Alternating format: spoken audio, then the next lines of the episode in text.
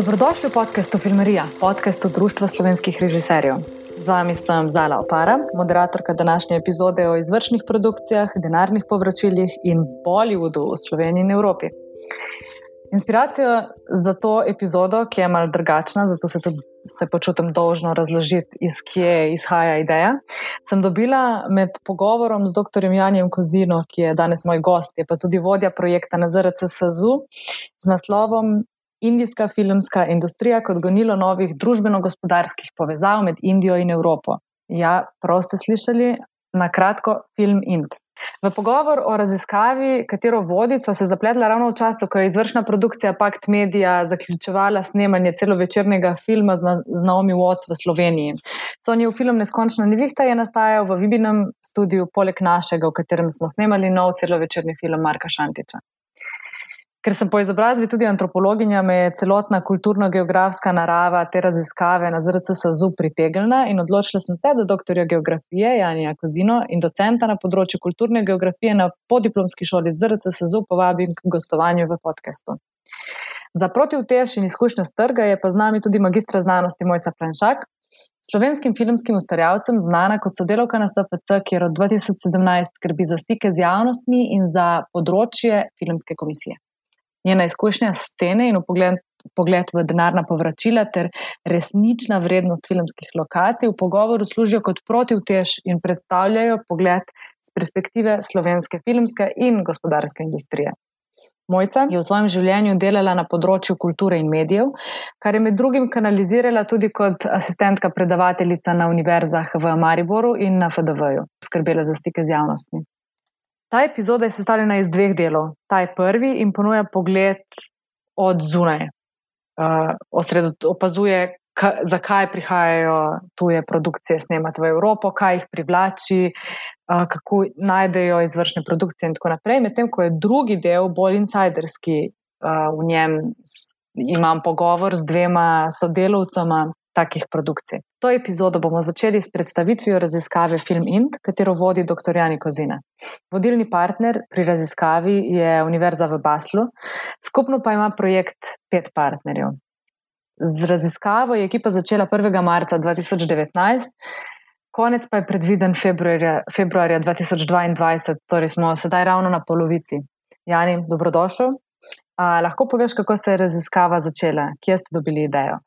Projekt se je začel v bistvu čist iz uh, nekih praktičnih um, razlogov, ko smo z znanko oziroma kolegico iz Univerze v Bazlu razmišljali, kako bi lahko akademsko sodelovala pri prijavah na kakšnih razpisov, ker se pač ukvarjava z nekimi podobnimi temami na področju ustvarjalnosti. Jaz sem se predvsem z tega prostorskega vidika ukvarjal, ona pa um, se je ukvarjala z z migracijami talentirane ustvarjalne delovne sile iz Indije v Evropo.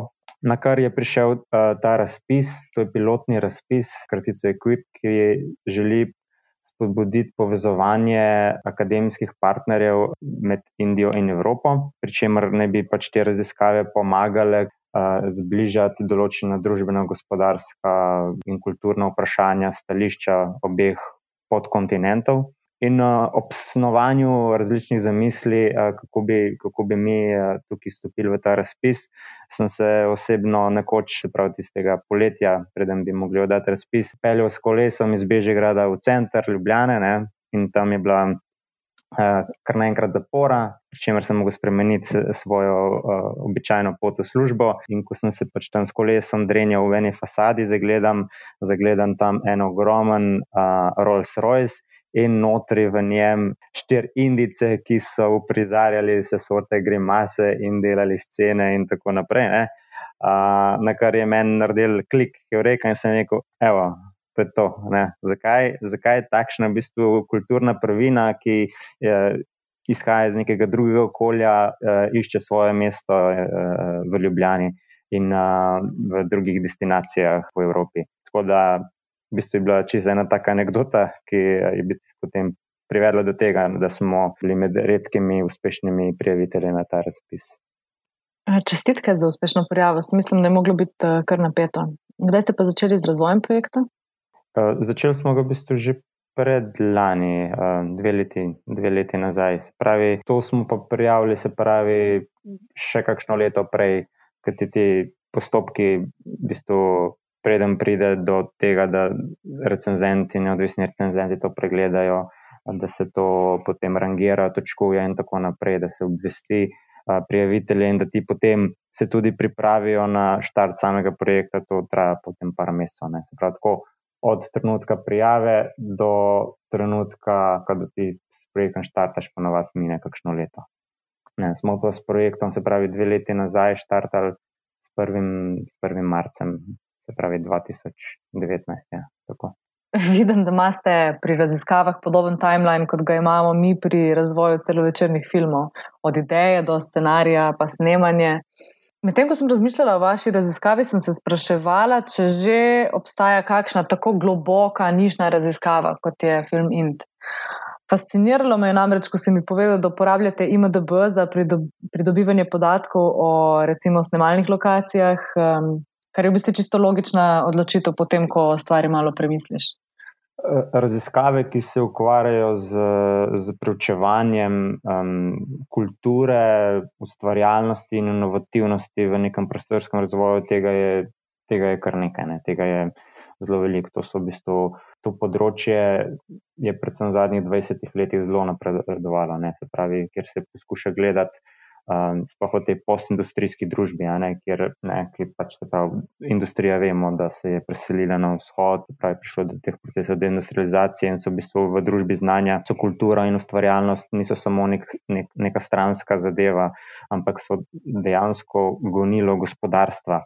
Ne, je, je postalo to pomembna gospodarska panoga, ki prinaša delovna mesta, ki prinaša ki prinaša dobiček, ki, ki, ki ustvarja cele sektorje. Ne. Se pravi, tukaj je potem tudi eh, pozornost raziskovalcev, ki se ukvarjajo z prostorskim razvojem, z urbanimi študijami, z regionalnim razvojem, se je tukaj povečala. Ne. Tako da takih uh, raziskav je zdaj zelo veliko, seveda pa pač je, ker, postaje to če dalje bolj pomembno vprašanje, je tudi. Uh, Na splošno, potem tudi teh nišnih vprašanj, ne, če dalje več, ne, se pravi, greš To je tako kot pri vsaki stvari, greš uh, iskat odgovor na eno vprašanje, pa dobiš deset novih. Tako da, v bistvu, kako je prišlo do tega, da, je, da se je indijska filmska uh, industrija osredotočila na Evropo, kako je prišlo do teh uh, povezovanj, zakaj do tega prihaja, kak, kak, kakšen je obseg teh povez, povezovanj, kje je točno. Ne? Evropa je. Evropa je tudi precej velika, um, se pravi, v katerih delih Evrope je tega več. Tudi v Indiji ne, je teh uh, pač v, v splošni uh, laični javnosti ne, pač, uh, se je uveljavljal izraz Bollywood. Ne, pač Bollywood je samo ena od v bistvu, uh, produkcijskih hiš, ne, ki, ki deluje, ne, jih, je pa, jih je pa kar precej v Indiji. Ne, se pravi, kateri, katere produkcijske hiše oziroma sektori se zanimajo za Evropo in tako naprej. Ne. Pravi, to, to so neke nišne teme, ki pa jih do zdaj jaz nisem videl, kaj dost. So bili posa, posamezni, osamljeni primeri, ki so se osredotočili, uh, da nimo na eno državo ali pa, ali pa na neko pokrajino, ali pa so analizirali pojavnost uh, neke države ali pa nekih lokacij znotraj enega filma. Mi smo se pa tukaj lotili veliko bolj celovito. Ne. Prav smo, nas je zanimala cela Evropa, cel teritorij, pri čemer se pa potem na koncu le, vendarle zdaj v drugi polovici projekta, uh, osredinjamo na države, iz katerih prihajamo, partnerji projekta. Ne. Tukaj so pa poleg Švice, ki je ena najbolj um, markantnih držav, um, kar se indijske filmske produkcije tiče, smo še mi Slovenci, se pravi Poljaki ter pa Finci, ki zaradi tudi dvojezičnosti pokrivajo hkrati tudi švedsko. No. Imamo, um, imamo celoten pregled za, za Evropo kot tako, pa bolj poglobljen za teh pet držav, ki sem jih naštel. Pri raziskavi sodeluje tudi Indijska univerza GNU. Na kakšen način so oni upleteni v raziskavo? Ja, oni v bistvu sodelujo pri raziskavi tako, da v bistvu iz svojega gledišča um, gledajo na to pač um, predmet našega zanimanja. Se pravi, mi, če, želiš, če želimo to stvar zelo dobro obdelati, ne, ne smemo preveč evropocentrično izhajati. Ne. Pravi, treba v bistvu gledati tudi indijsko stran.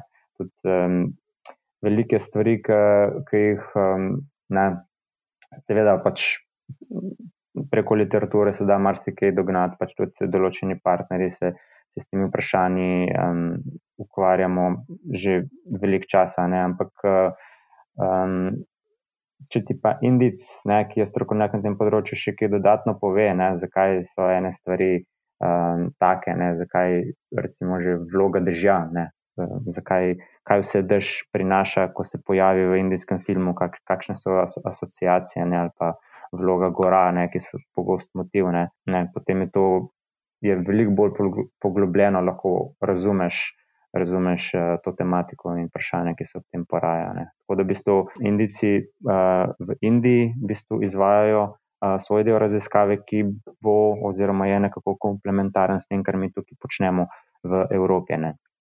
Potem, seveda, na, na, na sestankih enega nam je uspelo tik pred prvim lockdownom, oziroma praktično Ne, jaz sem z enim zadnjih letal prišel iz Mumbaja nazaj v Evropo. Ne. Smo imeli celo v živo, drugače pa pač prek spleta potem komuniciramo in, in pač uh, dopolnjujemo ugotovitve drug drugega.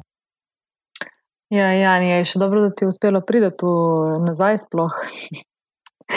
ja, je pa ta povezava med simboliko, kulturo in uh, v bistvu med simboliko, no, pač, ko jo Indici recimo, razumejo preko njihove kulture in uh, promocijo filmskih lokacij, bi se zna biti predvsej zanimiva povezava. Ne, še posebej, ko govorimo o nekih teh državah, ko imajo religijo in simboliko že itak tako globoko prepredeno z njihovim življenjem in kulturo. Mogoče to je ena stvar za premislek pri promociji slovenskih uh, lokacij določenim tujim državam. Um, Mojca Planšak, Pozdravljena. Se lahko uh, ti tu navežeš in poveš mogoče svojo izkušnjo, kaj je tisto, na podlagi česar se prodajajo filmske lokacije, na, čem, na podlagi česar se promovira slovenske uh, lokacije in Slovenijo kot um, državo, pač, v kateri se uh, lahko snemajo tuje produkcije. Kako se promovira v glavnem no, Slovenijo, slovenske filmske lokacije, svetu in tem produkcijam. So pač tu lepe lokacije, tisto, kar prime, simbolične, um, zelene, jezera. Kaj, kaj je tisto, kar privabi ljudi v Slovenijo? Ja, torej, lepo zdrav z moje strani, poslušalkam in poslušalcem. Uh, ja, zdaj Slovenija ima eno specifiko. Uh, se pravi, je majhna država, ki pa ima blazno veliko lepot. Se reče, pri nas je lahko, kar je za eno filmsko produkcijsko hišo izredno pomembno. Pri nas ste recimo lahko locirani v Ljubljani uh, in ste potem v roku ene ure, dveh ali v Panonski nižini ali na Primorskem uh, ali na, na Gorenskem, v kakšni gori. Ne? In to je zelo uh, pomembno za eno produkcijsko hišo, ki recimo pride ali pa si želi uh, snemati v uh, Sloveniji. Ne. Tako da mi, kot Slovenski filmski center, posebej promoviramo uh, slovenske filmske lokacije uh, v sodelovanju s Slovensko turistično organizacijo na večjih filmskih sejmih. Uh, to je v, v, predvsem v Kanu in Berlinu. Uh, dvakrat pa smo se tudi že promovirali uh, slovenske filmske lokacije na posebnem sejmu samo za temu namenjeno in sicer to pa je uh, Focus London, ki vsako leto poteka uh, v decembru. In tam moram reči, je bil naš uh, m, uspeh kar dober. No? Uh, vedno sodelujemo tudi z našimi veleposlaništvi v tujini, ampak kar je ključno, je to, da se na teh tovrstnih sejmih v resnici srečajo producenti in pa hkrati se reče cela branža, filmska industrija, ki jih to vrstne zadeve oziroma ki jih to vrstne lokacije zanimajo. Uh, tako da mi smo takrat promovirali ravno to našo, kar je specifika Slovenije in kar recimo tudi so zelo pohvalili nedavno uh, tuji producenti, uh, ki so bili tukaj in so snemali uh, film Infinite Storm, neskončna nevihta z Naomi Watts v glavni vlogi, uh, je bila ravno ta velik, na eni strani velika profesionalnost uh, naših slovenskih ekip, slovenskih filmskih uh, delavcev, sodelavcev in pa ta uh, raznolikost, ki jo je mogoče doseči v zelo, zelo kratkem času. In skratka, to je ena naša takšna tipična prednost. Da smo majhni z zelo kakovostnim kadrom in z zelo uh, raznoliko in pestro uh, naravo. Ja, tukaj, tukaj bi v bistvu, um, morda se samo navezal in podprl v bistvu, um, ta prepoznavanje in prizadevanja filmskega centra, da v bistvu na tak način trži Slovenijo oziroma naš, naš prostor, ker um, tudi geografske raziskave, ki smo jih delali na našem geografskem inštitutu Antona Melika, ZRC se zelo dokazujejo, da je v bistvu um, Slovenija um, res um, geografsko pestra da se pri nas toliko makroregij stika, kar v bistvu predstavlja nek, nek unikum v Evropi. Uh, iz tega, v bistvu, um, fizično-geografskega vidika, uh, hkrati pa tudi z kulturnega, ki prihaja do stika različnih jezikovnih skupin, različnih kultur, v bistvu stik med, uh, um, se pravi, uh, postsocialistično in zahodno Evropo.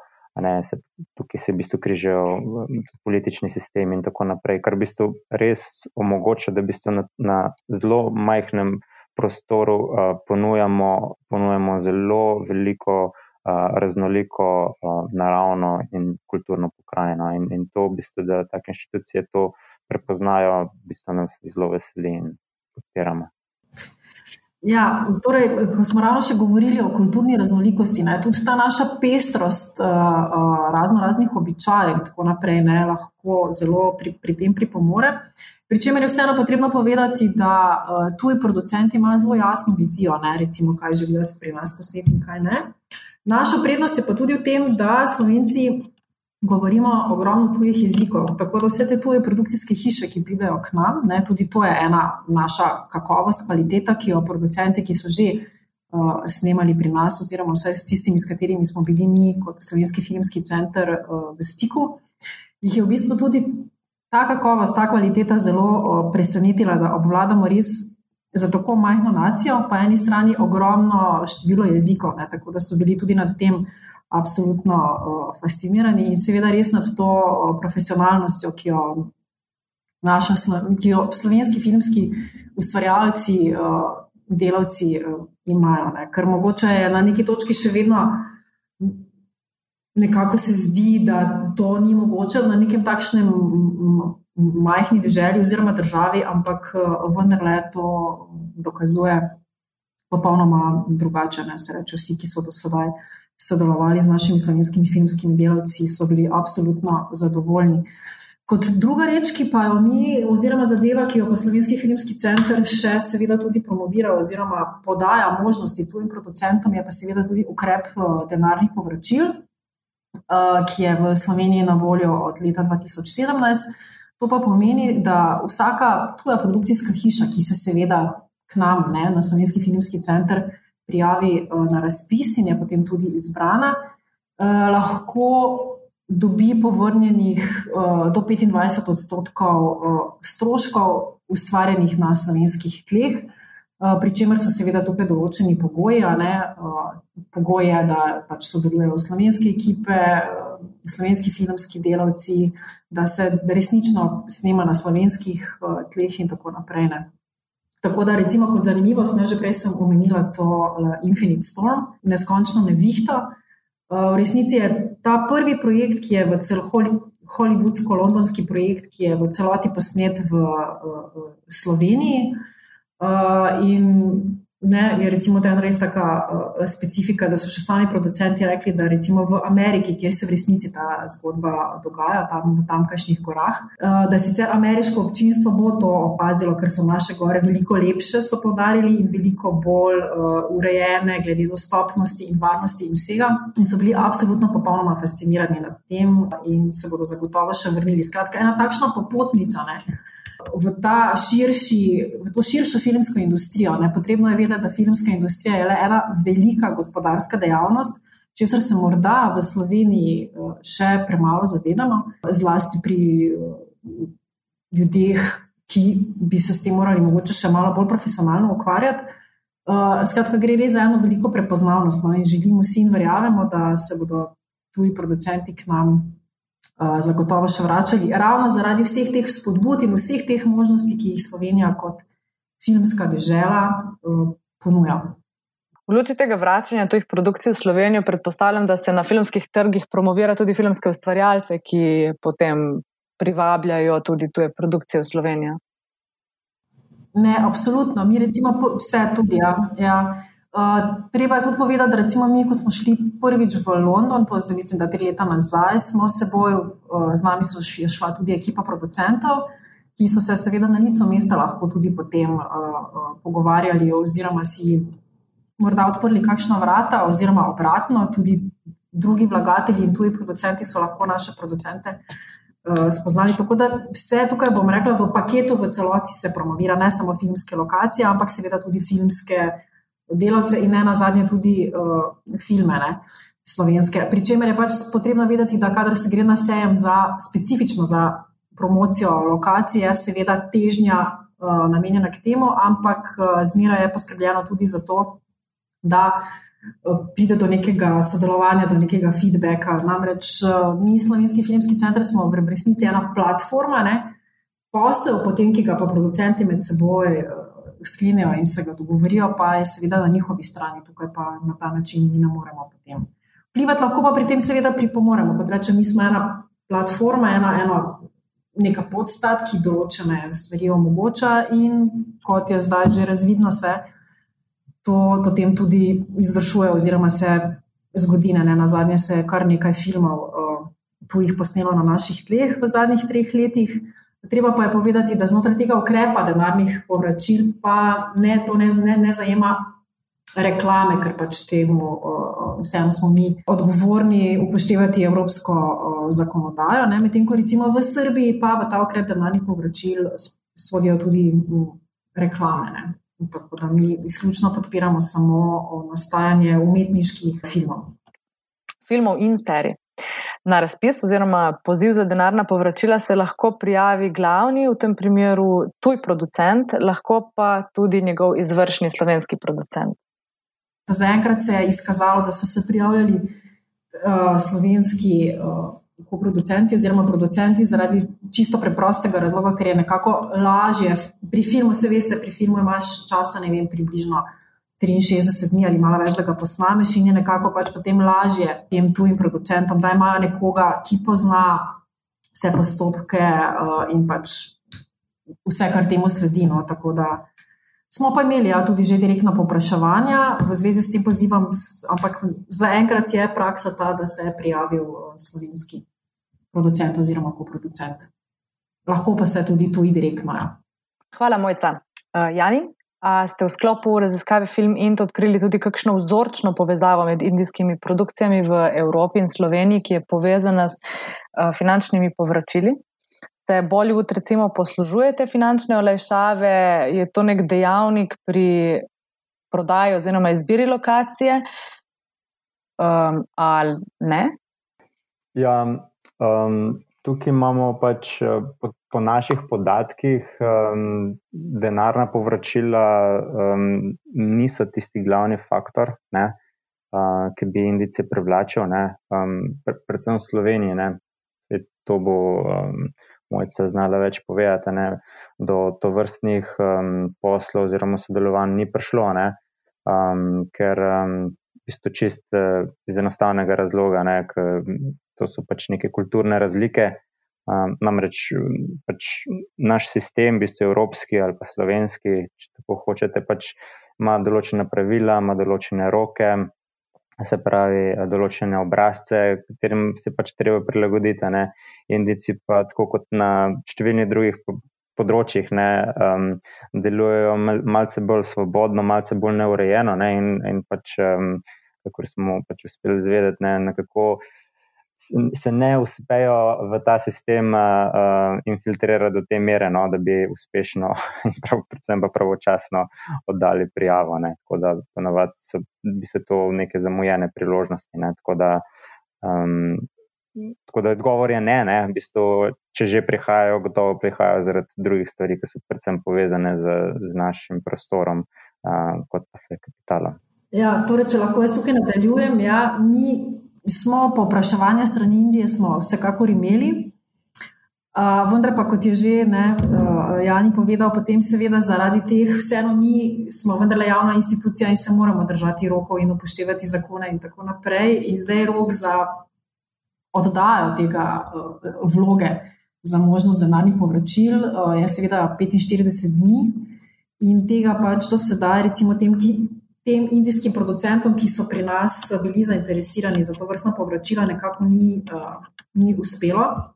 Ampak pripričani smo, da v prihodnje bo, se, se reče, mi absolutno podpiramo tudi uh, in bi si želeli kakšnega projekta tudi uh, iz Indije. Mislim, da bi to bilo za vse nas ena uh, velika izkušnja in hkrati tudi uh, preizkušnja. In recimo tudi na Berlinalu smo se mi že pogovarjali, oziroma saj sama sem imela nekaj sestankov z indijskimi producenti, ki so dejansko prišli k nam ravno zaradi pokrajine, njih v resnici pri teh milijonskih vsotah, pri katerih je, v katere je Bollywood upleten, oziroma filmska industrija v Indiji je izredno močna in pogovarjamo se o kar velikih vsotah denarja. In v resnici ta denarna povračila, bom rekla, morda niti toliko ne zanimajo, to jim je mogoče samo še nek bonus kot tak, ne? jih pa v resnici res privlači ta pokrajina. Ne? In predvsem ta geografska povezanost oziroma geografska dostopnost, ne? da si ti lahko res v tem kratkem, nekem kratkem času na popolnoma različnih lokacijah, ne sreče od morja do ravnine in to za nekoga, ki prihaja iz Indije, milijonske, milijonske države. Je to za njih res, bom rekla, prav smešno. Ne? Ker ko sem jaz razlagala, ne vem, če se vi situirate v Ljubljani tem indicem ne? in se potem, da ste v dveh urah na na morju in to oni sploh niso mogli verjeti, dokler jim nisem res prav odprla fizično zemljevida in potem so oni, to je ena anekdota, in so merili potem z centimetri in so si preračunavali, ne, kako, bi, kako je to res, da je to res možno, ker to seveda meni ni, ampak kjerkoli v neki večji državi ni. Ne.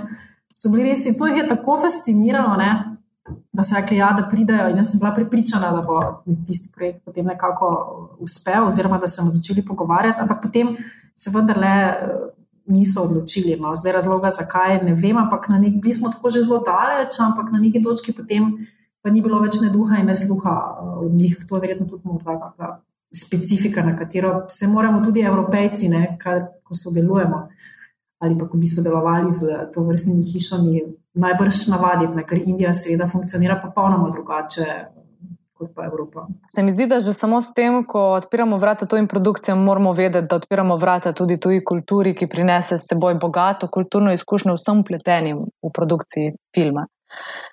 Absolutno, ja, seveda. Jani, katere so pa najljubše lokacije Bollywooda v Evropi? So to jezera, hribi, mesta? In kako se je v bistvu sploh začelo vse skupaj?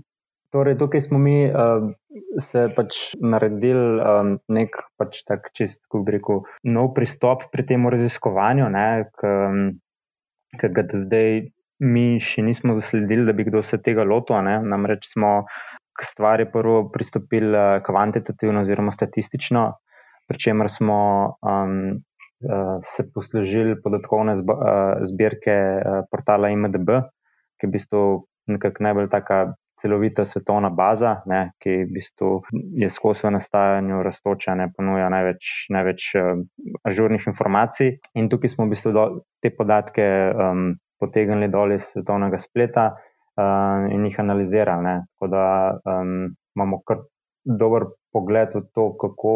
kako Je evolucija indijskih filmskih ustvarjalcev, ko zgleda v Evropi, ne, kateri, katero območje so bolj tiste, ki prosperirajo z tega vidika. Ne. Da ne, ne, najbolj zanimivo je, ne, da je v bistvu, um, po teh podatkih v bistvu prvi, so Indijci prvič snemali v Evropi že leta 1923, ne, kar je v bistvu um, že zelo zgodaj, ne, glede na to, da je v bistvu nekako filmsko ustvarjanje se začelo s koncem uh, 19. stoletja oziroma z začetkom 20. stoletja. Ne, tako da v bistvu uh, bomo čez ravno ob koncu projekta nekako praznovali stoletnico prve pojavnosti indicijev in njihovih filmarjev v Evropi. Da, in to je potem nekako izgledalo tako, no, da to so bili bolj osamljeni primeri do, do druge svetovne vojne, ne. sem pa tja, ne, tega, tega ni bilo tako veliko. Pričemer je potem se prvič nekako pojavilo malo, malo bolj konkretno tam nekje v 50-ih, 60-ih letih. Ne. In tukaj je bila že Švica tista nekakšna prva destinacija z, z temi svojimi, svojo, svojo pokrajenostimi gorami, s to urejenostjo, ne, ki je nastopila. Ne. Še vedno tega ni bilo tako veliko, je, je počasi nekako rastlo, ne, a, ampak pravi boom se je začel pa šele v 90-ih letih prejšnjega stoletja in to je v bistvu zelo močno povezano z čistnikimi globalnimi tokovi, z liberalizacijo indijske družbe kot take, z uh, odpiranjem svetovnega turizma, z pojavnostjo nizkocenovnih letov in, in, in tako naprej. Um, um, in takrat je, je spet, spet je bila Švica, je bil tisti boom, ne, se pravi, nekako od sredine 90-ih. Pa tam nekje do 2005 je bila Švica je zelo izstopala iz tega vidika. Takrat so na leto v Indiji, uh, so v Švici posneli približno 4 do 10 filmov, ne, po podatkih tega portala IMDB. In to, bilo, to so bili tisti najbolj taki markantni za, začetki. Um, kasneje potem um, je v bistvu se težišče nekako premaknilo v uh, Združeno kraljestvo, čisto iz razumljivih razlogov, ne, ker je tukaj pač zelo močna diaspora, ne, indijska in tudi zaradi teh nekih kontinentalnih uh, oziroma uh, uh, teh um, pravi, kolonialnih uh, povezav, ne, je tudi v bistvu zdaj um, v vseh pogledih London in, in Združeno kraljestvo zelo izstopata. Um, um, je pa se pravi nekako do 2005 oziroma do 2010 je nasplošno ta zahodna Evropa ne, z predvsem temi velikimi urbanimi središči, ne, kot, so, kot so London, um, Pariz, um, Barcelona, um, Rim, Benetke, um, in vsem, v bistvu, kar je zahodno od Avstrije. Ne. Brez Nemčije, Nemčija ni, ni bila tako ne, polarna, ne, ampak zahodno od Avstrije je, je bilo v bistvu zelo močno prisotno na zemljevidu. Po letu 2010, in to je ravno ta nekakšna zadnja, zadnja dekada, ne, ki tudi našemu projektu posvečamo malo več pozornosti, ne, tudi predvsem v tem delu Evrope, v vzhodni Evropi, kjer v bistvu opažamo te nove trende, da, da v bistvu se to pojavlja, kar se prej ni. Ne, pa tudi je pa v bistvu vzhodna Evropa, predvsem z temi um, lepimi srednjeveški ohranjenimi mesti, ne, kot, so, kot so Praga, kot so um, Vroclav, kot so Budimpešta, ne, so, pa, so pa v bistvu stopile ob bok mestom in, in pokrajinam v zahodnji Evropi. Ne. Tako da nekako nekak je v bistvu. Ta vzorec v zadnjih letih ne, med vzhodno Evropo in zahodno Evropo se je uravnotežil, se je nekako izenačil. Predvsem pa je pač poleg ohranjene lepe naravne in kulturne dediščine v vzhodni Evropi, pa temu bo trovalo tudi pač dejstvo, da je bila predtem ne, vzhodna Evropa uh, bolj zaprta. Um, in je Indici so pa v končni fazi njih toliko ne zanima ta politika, ne, ampak so, oni so predvsem poslovneži, ne, pravijo. Oni pravijo, business is business. Ne? In imajo zelo radi, da, da so stvari enostavne, da so dostopne, ne? da se da brez uh, nekih, s čim manj nekimi uh, uh, uradnimi pravili, čim manj obrazcev, um, čim lažje si sposoditi opremo, čim hitreje prideti uh, na lokacijo snemanja. Ne. In to se je v bistvu z integracijo ne, vzhodnega dela v Evrope v EU, ne, se, v bistvu so se te omejitve sprostile, um, če mora v bistvu potem kot posledica v bistvu. Uh, je prišlo do tega, da so potem indijski filmari tudi, tudi odkrili te, te nove lokacije. Ne. Um, Obenem je pa tudi um, um, drugi del, ne, predstavlja pa to, ne, da Indici um, evropske lokacije uh, vključujejo um, v svoje filme kot neke bombončke, kot neke highlighte. Ne. Um, zelo radi imajo neke, neke eksotične lokacije, ki še nikjer se niso pojavile, in če se to v njihovem filmu pojavi, in to um, zvišuje dodano vrednost filma. Ne. In indijsko občinstvo si želi videti neke, uh, predvsem v teh plesno-glasbenih uh, uložkih, neke lokacije, um, ki so eksotične, ki so, ki so nekaj čist drugačne. Ne, um, ne vem, zelena trava v Sloveniji, ki nam pisto. Um, Predstavlja vsak dan, je, je za nekega Indica, ki, ki je vajen nekih rjavih tonov, nekih sivih tonov, ne, um, mu predstavlja totalen paradiž. Um, tako da tako da um, iščejo v bistvu Indici skozi neke nove lokacije. In s tem, ko se v bistvu je, se je na nek način uh, zgodba Švice malce izpela, pa tudi Zahodne Evrope, ne, se je s tem v bistvu odprl prostor uh, neraziskani Vzhodni Evropi, ne, ki, ki gotovo ima te uh, uh, naravne in, kultur, in kulturne urbane bisere. Um, in, in to v bistvu Indice, Indice privlači in mame. Tako da Um, kar, kar se pa Slovenije tiče, ne, pa eh, tukaj, tukaj so pač, um, v bistvu smo jim zaenkrat uspeli prodati te naše glavne, glavne atrakcije, ne, kot so Bled, uh, Piran, uh, Postojnska jama, Ljubljana, um, potem uh, Celski grad, Sevnico, um, Jezersko, da nimo, to so pač take lokacije, ki se naj, najpogosteje pojavljajo. Ne. Seveda pa imamo tukaj v bistvu še um, nekih uh, mikrolokacij za, za cel izvoz. Tako da, da v bistvu z enim spretnim uh, menedžiranjem ne, um, in, in uh, oglaševanjem našega teritorija ne, je sigurno tukaj še veliko prostora. Ne. In kar pač nam naši informanti um, sporočajo, v bistvu je ta um, sla indice, da bi, da bi pri nas še snimali, ne, um, ne pojenja. Ne, tako da tukaj, tukaj je še prostora za napredek. Ne, in, upam dejansko, da, da se bo več ljudi vključevalo v to vrstno uh, kultur, kulturno industrijo ne, in da tudi bodo podporne inštitucije morda tudi uspele mečkan prilagoditi svoje pravila in tako da se bomo tudi eh, na kulturnem eh, področju in, in, in področju birokracije nekako našli no, in, in uspeli sodelovati. Ne. Ja, če lahko jaz tukaj dodam, torej v resnici ta m, birokracija niti ni tako zelo zahtevna in mi smo zmeraj seveda pripravljeni tudi svetovati, pomagati, ne, kako se to najhitreje naredi. Sploh pa, če recimo bi ena bolivudska ali pa indijska produkcijska hiša imela pa slovenskega koproducenta, pa mislim, da to absolutno ne bi bila nobena težava. Ne. In glede na to, da je moja osebna afiniteta tudi uh, rahlo, mislim, jaz o tem ne odločam, pri nas odločajo komisije, ampak vendarle imam nekaj izkušnje z Indijo.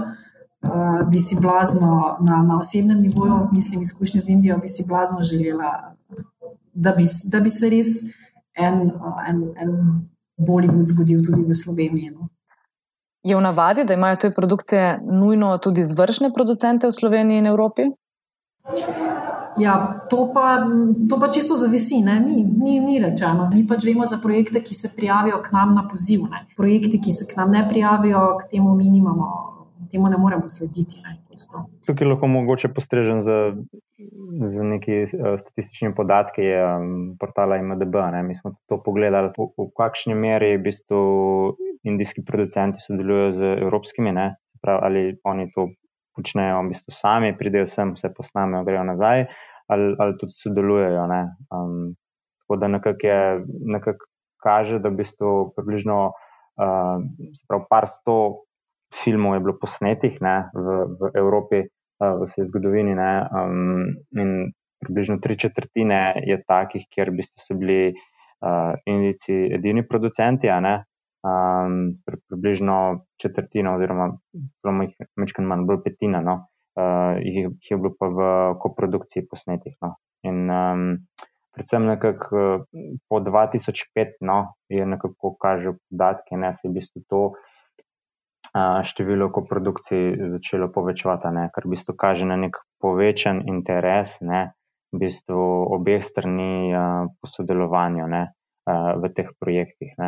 Um, Čemer je tudi to zanimivo, ne, da v bistvu smo tudi gledali, kdo je, katera v bistvu hiša je, je indijska ali evropska, je, je v vlogi vodilne, vodilne producentske hiše, ne, tiste, ki vodi projekt, ne, v bistvu nekako se to težišče v zadnjem času bolj predstavlja na, na evropsko stran. Ne? Tako da v bistvu je um, strani uh, evropejcev tudi, ne, no, niso samo indici tisti, ki bi radi s, uh, evropske lokacije kot eksotične predstavljali v filmih, ne, ampak je očitno um, interes za posel tudi strani evropejcev, ne, da v bistvu na tak način um, si, si širijo nove trge. Ne. Tako da to v bistvu podatki, da vse jasno izpričuje. Ja. Kaj imaš mogoče podatek, kakšen je proračun teh projektov? Um, ne, tega podatka, čeprav gor obstaja, ampak smo potem nekako presodili, da je, so bili, v bistvu, kar se tiče box office, ne, da so podatki vsem niso dostočeni. Smo velikokrat videli, da so taki zastareli, malo podatki ne, ali pa nepopolni, in, in smo potem reč se odločili, da jih da jih ne, um, ne, ne obdelamo. No. Smo v bistvu to nekako malo zanemarili. No. Um, lahko pa recimo povem, no, da smo pa primerjali popularnost filmov, ne, v bistvu, kako ljudje, um, number of votes, ne se pravi število glasov, ne, kot nek, nek kazalnik, uh, koliko je film popularen na IMDB. Ne, smo v bistvu ta kazalnik primerjali s tem, ali je bil film posnet na. Na različnih lokacijah, um, pa ne, ne, ne v kontekstu ene države, ampak v kontekstu več držav ali pa celo več evropskih makroregij. Recimo, ne vem, je bil eh, posnet na lokacijah zahodne, južne, pa vzhodne Evrope. Ne? In smo v bistvu ugotovili, da so v bistvu filmi, ki so bili snemani v različnih regijah, ne, različnih državah, so v bistvu bolj popularni. Um, kar pač, če moramo sicer lahko delno pripisujemo, pač, um, delno pripisujemo to, to lokacijam, ne, še bolj bi pa rekel, da lahko to pripisujemo tem, da so to um, bolj visoko preračunski filmi, ne, kaj ti pač, če hočeš snemati na več lokacijah, moraš imeti več sredstev ne, um, uh, za te stvari. Ne, tako da ne, je to v bistvu gre nekako korelira, gre z roko v roke. Ja, Kakšen je pa torej dejanski vpliv filmov, ki so posneti uh, v Evropi na gospodarstvo, recimo pa turizem? Najbrž je nek zdra, uh, znaten porast v turizmu, kar predpostavljam z nekih bližnjih primerov, recimo Igre prestolov, pa tudi z perspektive tega, da um, v bistvu imajo filmske ekipe, da so filmske ekipe precej številčne in rabijo namestitev, pa hrano, pa prevoze in tako naprej. No, um, filmski turizem je, je pač um, posebna vrsta turizma, ki je tudi v zadnjih desetih, petnajstih letih um, se pojavil in, in zelo napredoval. Um, na, v naši bližnji sošeščini imamo, imamo zelo um, zgovoren primer tega, Dubrovnik, pa Vis, ne, kjer so snimali uh, Igro prestolov, pa imamo ne, kako je v bistvu in tam um, turizem porasel v bistvu do te mere, ne, so bili mogoče celo malo nepripravljeni, da, da je v bistvu že prihajali do pojavu preturizma, ne, ki ima veliko um, negativnih učinkov uh, in bi se potem že um, počneš stvari, ki si jih ne želiš s tem. Ne. Tako da um, filmski turizem je sigurno en, en pojav, ki je en v bistvu stranski učinek um, uh, filmskega ustvarjanja, ne, na katerega velja resno računati. Ne.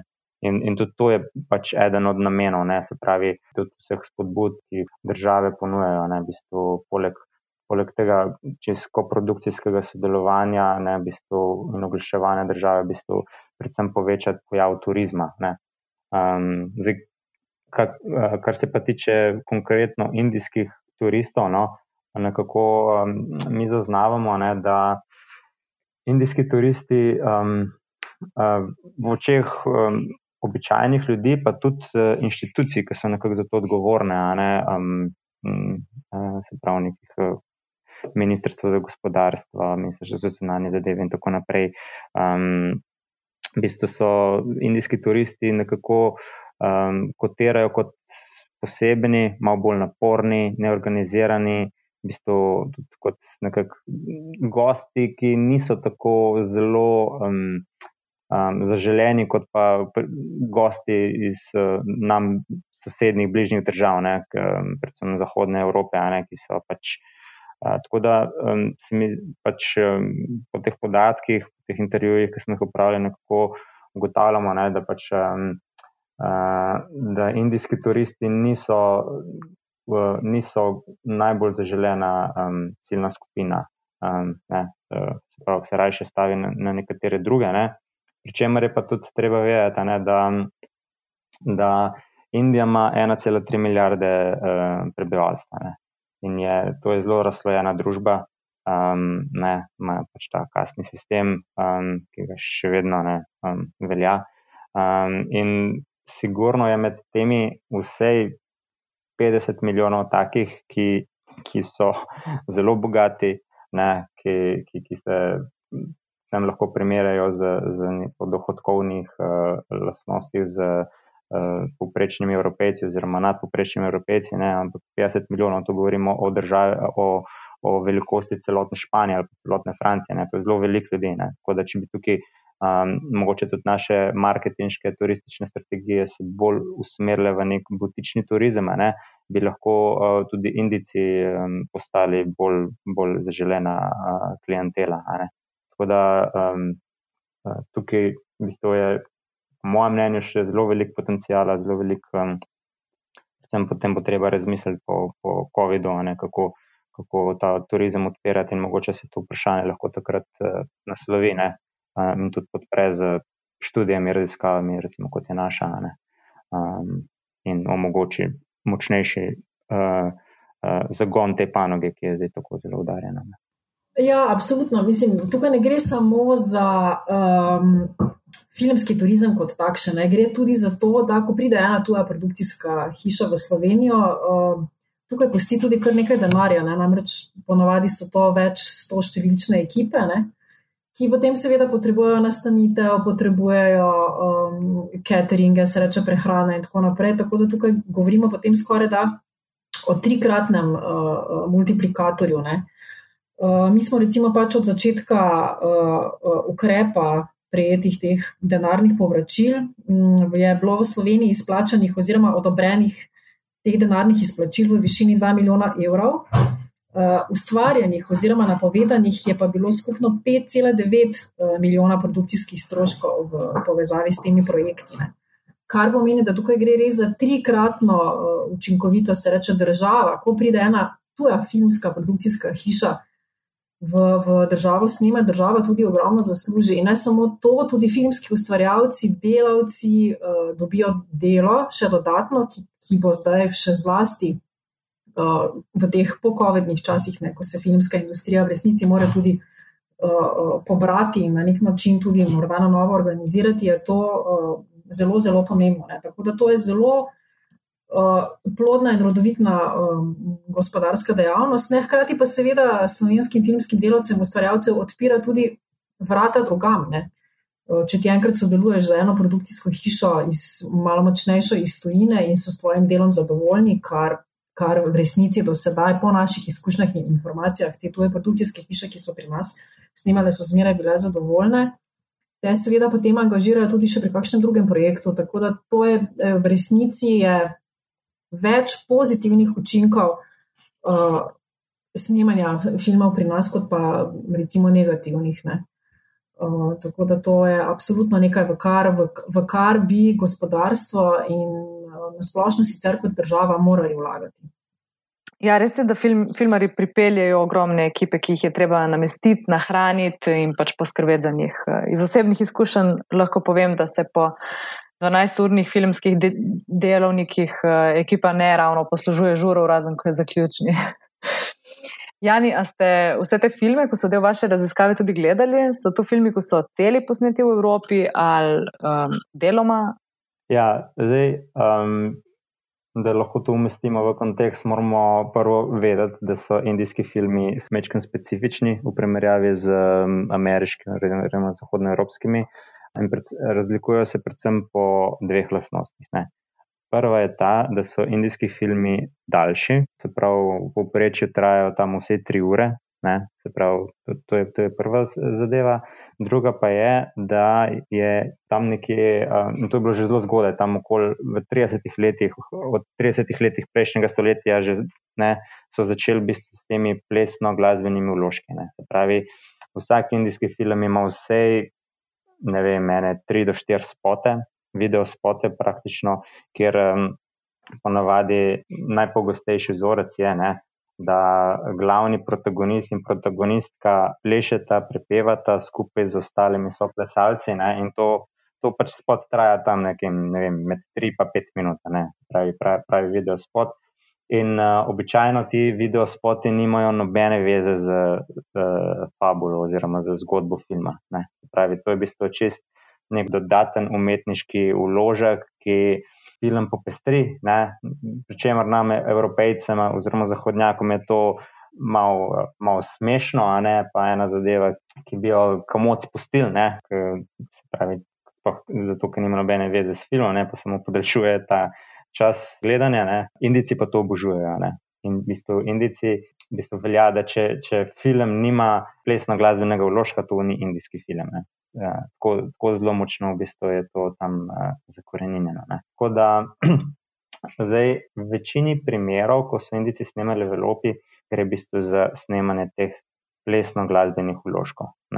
Tudi konkretno, predvsem v Sloveniji, ne, tukaj je bilo pri nas v zadnjih 2012, ne, se, se je začela prvi, prvič ta produkcija Indice v Sloveniji. Ne, smo dobrih deset filmov posneli ne, in v bistvu gre v uh, 99% primerov, ne, v bistvu je šlo za to, da so uh, v film vključili dva do tri spote, ne, kjer so v bistvu prikazali nek, neko ples, neko glasbo. Z naravnimi in kulturnimi znamenitostmi Slovenije v ozadju, in to je to. Ne. In tudi redko, kdaj, ne, mi smo tudi z tega z nekega semiotičnega vidika, ne, smo, smo opazovali, ali, ali se prepozna, ali bi, ali bi indijski turist oziroma gledalec lahko uh, iz, iz, iz gledanja tega prizorov kakorkoli razbral, ne, da gre za slovensko lokacijo. Ne, da bi recimo, recimo tako kot ima mojca zdaj, ne, veš, če bi zdaj jo indic zdaj gledal ne, na tem zaslončku, ne, je lepo vidno, ne, da ima zadaj indikacijo. Ne, da je ona pa v Sloveniji. Ne? Ne? Recimo, kaj je ta zga, ali je bila kakšna zastava slovenska, ali je, ali je bil ta slogan najfil Slovenije. Um, kar, kar v bistvu gre v to tako zvane territorial branding, ne? oziroma um, prostorsko oglaševanje. Ne?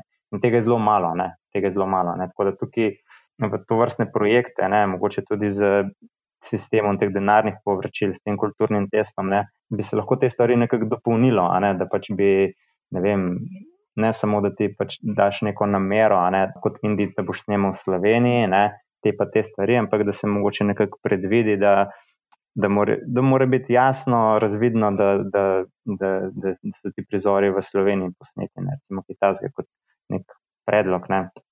Izboljšave tega vrstnega sodelovanja. So pa pač države, ki so veliko vložile ne, v to vrstno promocijo. Ne. Zelo znani film Zindagi na Milegi Dobara, kjer je um, špansko ministrstvo za turizem namenilo zelo velika sredstva za, uh, za, za projekt enega filma, kjer so pač trije Indijci šli na dopust v Španijo in so obredli ne, uh, skozi film uh, glavne turistične znamenitosti ne, in, se, in se tokrat omenja in se točno ve, da se to skozi Španijo dogaja. Ne, in, In se potem v bistvu je bil multiplikator krat pet oziroma krat deset, kar se tiče indijskih turistov v, v Španiji. Tako da v bistvu investiranje v, v film, ne, ne mojca mi je prej zelo lepo dopolnila, poleg teh turistov ne, je tudi ta pač. Ker Indijci snemajo, ne, je veliko uh, dodatnih gospodarskih uh, učinkov, ne, generira. Ne, v bistvu vsak uložen evro, ne, v bistvu prinese 3, 5, 10 dodatnih ne, nazaj. Ja, ja, ni slišim, da imaš veliko idej eh, za marketing eh, Slovenije, ko jih Slovenski filmski center lahko implementira na naslednjem filmskem trgu. Mojca, že maha z roko, povej Mojca. Ja, tako, ja, to bi še tukaj dodala, torej, da ta kulturni test, ne, ki ga je Jani uh, omenil, je tudi pri nas uh, upoštevajoč in je že v tej tudi razpisni oziroma pozivni dokumentaciji. In če se navežem ravno to, kar sem prej rekla, da sem se enkrat v Berlinu pogovarjala z enimi indijskimi producenti, ne sem ravno jih v resnici namamla. Predstavljala sem jim namreč slovenski kozolec. Ne. To je pač namreč nekaj, kar je res specifičnega za Slovenijo. In so bili, ko so videli te fotografije, so bili absolutno navdušeni. In seveda, ker pač vseeno malo poznam indijsko uh, kulturo, sem rekla, da tukaj bi absolutno bilo fascinantno, da oni potem posnamejo enega izmed teh svojih video spotov, ne, ki ga potem vključijo v svoj film, in so res bili popolnoma navdušeni nad tem uh, kozovcem. Tako da sem se po resnici spraševala, okay, če pride do tega projekta, uh, koliko mi teh kozovcev dejansko v Sloveniji še imamo in kje. Ne? Kdo bi bil, seveda, ker ponavadi ti kozovci stojijo nekje na enem. Privatnem zemljišču od kakšnih uh, veleposestnikov, kmetov, kakorkoli. Ne, in je potem, seveda, to tudi uh, potrebno dobiti dovoljenja, popraševanje. Ne, pa sem se že malo strašila, Madonna, ne pa bo kar naenkrat prišlo 300 indicov tja, kako in kaj se bo zgodilo. Tako malo mal sem v glavi naprej študirala. Kot drugo, še kar je pa seveda tudi indicem zelo zanimivo, oziroma na to, kar sem jih jaz nekako, ker pač oni so zelo povezani z vodo. Ne. In to, da je v Sloveniji še zmeraj k sreči čista voda in vsi ti potočki, in, in to, to je to absolutni dodana vrednost in biser pri teh njihovih uh, projektih. Ne. Tako da to je tudi nekaj, kar, uh, kar velja uh, spomniti. In, uh, mislim, da, res, da, da bi bilo res dobro, no, da kakšna indijska produkcijska hiša pride uh, tudi k nam. Tako da se strinjam, ja, da uh, z Janjem skupaj oberemo kakšno uh, promo akcijo, ko malo. malo za res, malo pa v šali povedano naslednje. Z omembo tega kozovca vidim en tak lep zaključek. Tu je produkcija, ki prihaja v Slovenijo, povezuje filmsko industrijo, gospodarstvo, turizem, naravovarstvo, pa še ministrstvo za kmetijstvo in okolje. To, s tem greš lahko že na uh, že volilni program za, ja, za naslednje obdobje. No, na tej poti k zaključku bi vas vprašala še, kateri je vaš najljubši indijski film? Tri idioti. Moj tudi. Jaz pa v resnici, ko sem bila v Indiji, sem si ogledala kar nekaj teh njihovih filmov, ampak se pa naslova absolutno ne morem, ne, ne morem se spomniti. No. Tako prav tega bolivudskega, ne žal. Ja, ja mislim, kar se, kar se tiče in, indijske produkcije, ne, zdaj, uh, Bollywood, ne, um, Bollywood kot bistvo tip produkcije, ne, bistvo je že zelo na visoki, na visoki ravni. Ne. Kljub temu, da so filmi tri ure dolgi, pa imajo te video spote, pa to ne so, ne vem, tudi tri idioti, ne, je pač to, to, to je zelo gledljivo, ne, je zgodba je tudi um, tehnika snemanja na visoki ravni in, in, in je super za gledati. Um, sem pa tja kakšnega, ne, da to ne bi mogel skozi gledati. Ampak pr predvsem ti filmi, ki so bili pa zdaj zaenkrat pri nas posneti, ne, mi smo jih pač seveda vse pregledali, ne, ker smo mogli identificirati lokacije. Ne, pa to, pa, to so pa v glavnem pa ta južno-indijska uh, produkcija, ne, pa so malo kasneje začeli, niso še na tej ravni in to, kar se tiče kakovosti. No, pr, pr, mislim, čeprav nisem zdaj ekspert, da bi ocenjeval samo kakovost filma, ne, ker nisem, um, nisem filmar. Um, um, lahko pa ocenjujem kot gledalec, seveda, ne, pa pač to um, malo teže gledljivo. No, pač je, je, je tako, no, so, so še mečken, še mečken rabijo, da bodo dosegli um, uh, to raven, no, kot, je, kot je ima bolje kot sam. Ne. Pričemer je treba, no, mogoče še to mečken statistike, ne, pač, uh, ki smo gledali, v bistvu to razmerje med Bollywoodom in ostalimi filmi. Ne, to v bistvu, uh, še, še 20-30 let nazaj je bil v bistvu Bollywood uh, z hindi jezikom, ne, je bil nekako v večini. Ne. To razmerje se pa zdaj, ne, tudi predvsem je treba vedeti to zadnje, da Indija je leta, šele leta 98 v bistvu filmu v bistvu dala status industrije. Ne in, in, in uh, z vsemi učinki, ki jih to, in, in subvencijami in pravicami, ki, ki jih to prinaša. Ne, in, in, in je bila tudi želja, da se to diverzificira, da se, da se filmi ne snemajo samo v hindi jeziku, ne, da so tudi ostale industrije se potem začele razvijati, ne, pač malo kasneje z ostankom. Ne, da je to že. Je zelo uravnoteženo, je v bistvu hindi, hindi v bistvu um, predstavlja šele, samo še kakšnih 30 odstotkov. Ne. Čeprav so skupno, um, uh, oziroma malo več, no, približno 50 odstotkov uh, še vedno, no, ampak čeprav je absolutno naraslo, ne, je pa v bistvu uh, delež ostalih industrij v bistvu se, se povečuje. Ne. In, in v bistvu s tem se pač kako, kakovost bo verjetno počasi tudi zvečala. No. Ampak zaenkrat je kakovost Bollywooda proti ostalim, je precej pred Bollywoodom. Jani, ali lahko z nami deliš eh, še svoje izkušnje, kako si doživel Bollywood in uh, filmski market? Mi smo imeli naš uh, drugi projektni sestanek, smo imeli lani marca, tik pred lockdownom, smo pač vseeno pač sprejeli, kako bi rekel, pogum, pa šli dol v Bombaj. In tam smo v bistvu ob, smo obiskali par teh filmskih studijev, kjer so prav zaprtih in teh na prostem, ne, da smo videli, kako to zgleda, kako to zgleda nekako v praksi so nam pa naši indijski partnerji, ne, so, so se pa takrat odeležili tudi tega, tega filmskega marketa. Tako da jaz tam sicer nisem bil, so pa povedali, ne, da so tam, da to pač so prav štantje, kjer v bistvu se različne države tam oglašujejo in v bistvu privabljajo.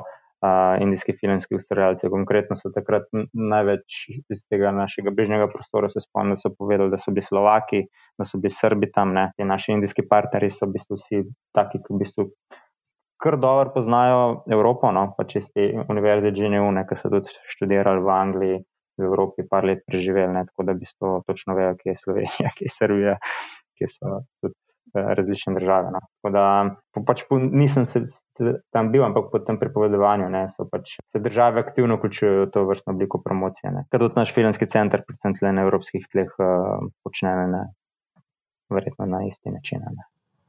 Ja, se tudi tukaj, če lahko dodam, ne, tudi, nam, tudi mi smo že razmišljali, da bi šli na enega izmed teh indijskih uh, marketov, ampak glede na to, da se je ta ukrep na državnih uh, denarnih povračil sprejel relativno pozno, smo pač nekako je bila strateška odločitev, da najprej nekako Evropo seznanimo s tem. Ne, kako in kaj se da pri nas, in potem seveda še širimo naprej. Videti je namreč potrebno, da prisotnost na to vrstnih marketih tudi kar nekaj stane, sredstva so pa seveda zmeraj uh, omejena.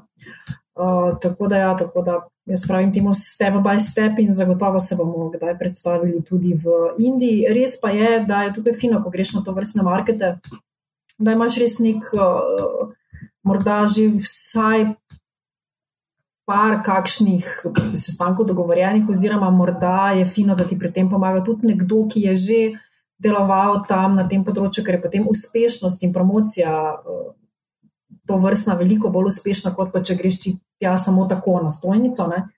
in potem tam skušaš kakšen posel uh, pridobiti. Da, seveda, vse tudi to je pot, ampak fino je, če je nekako poteka paralelno, zato tudi mi zmeraj sodelujemo, ponavadi z veleposlaništvi slovenskimi, ki so tam, ki imajo že nekaj izkušenj, in pa tudi z ljudmi, seveda, ki tam že ustvarjajo, ne zlasti na filmskem področju. Tako da, ja, Indija zagotovo je ena država, ki bi bila uh, mogoče, da se tudi tam še posebej predstavijo, ne Slovenija kot filmska država in slovenske filmske lokacije.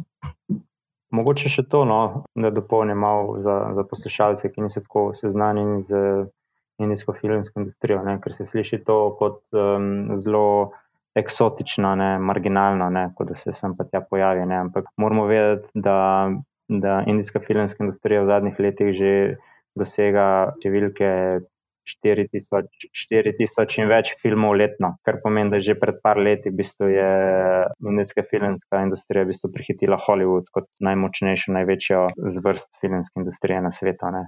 In da se tukaj vrtijo ogromne številke, ne? v bistvu, kar se tiče same produkcije, denarja, ki, ki tukaj kroži. Ne? Tako da je to trg, ne? ki je pač je zelo velik ne? in se da z njim marsikaj početne. Če se ga kot takega prepozna. Mojca, kako pa pri promociji filmskih lokacij in sodelavcev deluje EUFCN in ostale spletne platforme, ki, kot jih jaz razumem, delujejo kot neka agencija za promocijo servisov po Evropi in svetu? Ja, v resnici mislim, European Film Commission Network je eno združenje, katerega člani smo tudi mi. Tukaj so v tem. V tem združenju so v bistvu vsi, nacionalni filmski centri, skladi in tako naprej. In eh, tukaj se mi tudi povezujemo, no? letno, mislim, se ponavadi se enkrat na leto tudi v živo vsi srečamo, kjer si izmenjamo izkušnje. Predvsem pa gre tukaj, recimo v teh COVID-nih časih, ne, bi bila zelo pomembna predaja teh informacij, kakšna je situacija v določeni dež, deželi, ali, se, ali je že možno snemanje, kakšni so pogoji zdaj. Tako da recimo to vrstne uh, informacije si um, izmenjujemo kar je bilo recimo tudi v tem primeru ne, uh, neskončne nevihte. Je ravno um, producentka se odločila, da bo snemala v Sloveniji, ker je v tistem času pri nas bilo ravno najbolj ugodna tudi COVID-na situacija. Ne?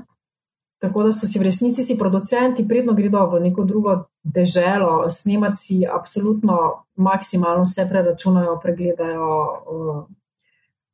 Ka, kakšen bo njihov vložek, oziroma kakšen bo potem izplen. Vsekakor pa še vedno tukaj prevladujejo eh, lokacije, kot se reče, narava in ta dostopnost, ki, ki jo mi kot država imamo. Ne. Se reče, še vsak producent do sedaj, ki je.